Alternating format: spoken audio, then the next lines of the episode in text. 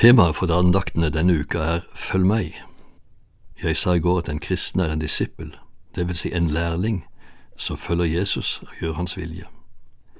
Jesus forventet alltid at folk skulle gjøre noe som et resultat av hans forkynnelse.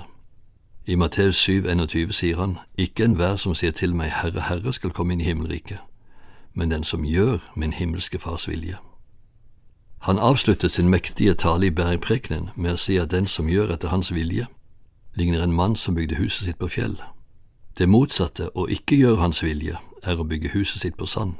Vi vet hvordan det går når flom og uvær kommer. Vi skal nå stanse ved noen disippelord av Jesus og prøve å konkretisere hva det betyr for oss i dag. Først Johannes 8, 31–32. Jesus sa da til de jøder som var kommet til tro på ham, Hvis dere blir i mitt ord, er dere virkelig mine disipler. Da skal dere kjenne sannheten, og sannheten skal gjøre dere fri. Disse jødene trodde nok at Jesus var den han ga seg ut for å være, men de var ikke blitt disipler, etterfølgere.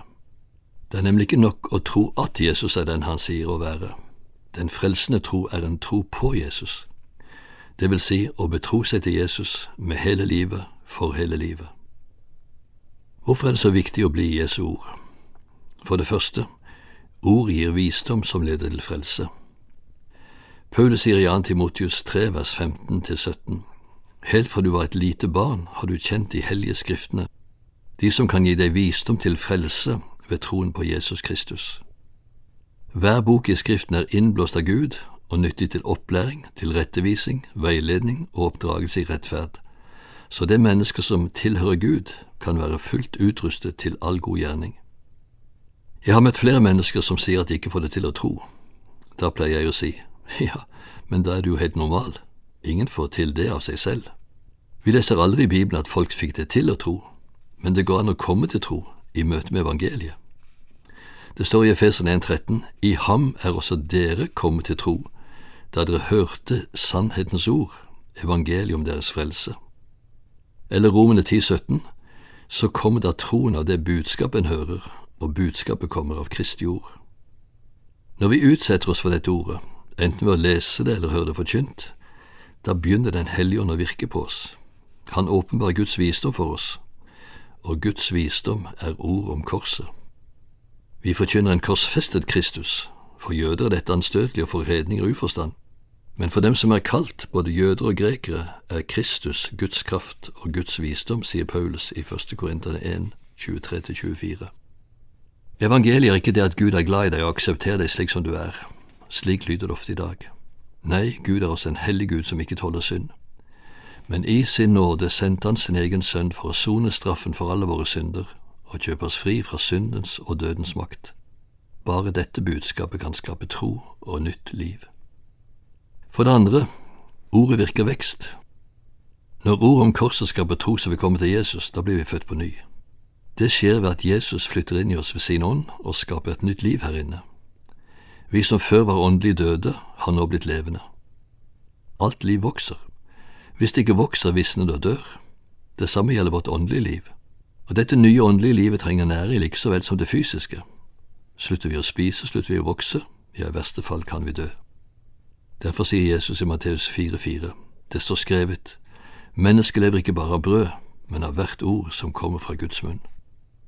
Jeg har møtt mange kristne som lever på et åndelig eksistensminimum. Hvorfor? De tar ikke til seg næring. De kan ikke huske når de sist leste i Bibelen. Vil du vokse som kristen, må du ta til deg av Guds ord. Det er derfor Paulus sier i Kolossene 3,16, la Kristi ord få rikelig plass hos dere. Med andre ord, sørg for at du får rikelig næring, og la ordet få rikelig plass i ditt liv. For da får Han som kalles for ordet, nemlig Jesus, rikelig plass. La det ikke være noe rom i ditt hjertes tempel der det står privat adgang forbudt. I Johannes 15 sammenligner Jesus forhold mellom seg og oss som forhold mellom et vintre og grenene. Skal grenen bære frukt, må det næring til. Derfor sier Jesus, Bli i meg, så blir jeg i dere. Like som grenen ikke kan bære frukt av seg selv, men bare hvis den blir på vintre, slik kan heller ikke dere bære frukt hvis dere ikke blir i meg. Jeg er vintre, dere er grenene. Den som blir i meg og jeg i ham, han bærer mye frukt, men uten meg kan dere intet gjøre. Og den frukten det her er tale om, det er det som Paulus kaller for åndens frukt, og som han beskriver slik i Galatene 5.22. Men åndens frukt er kjærlighet, glede, fred, overbærenhet, vennlighet, godhet, trofasthet, ydmykhet og selvbeherskelse.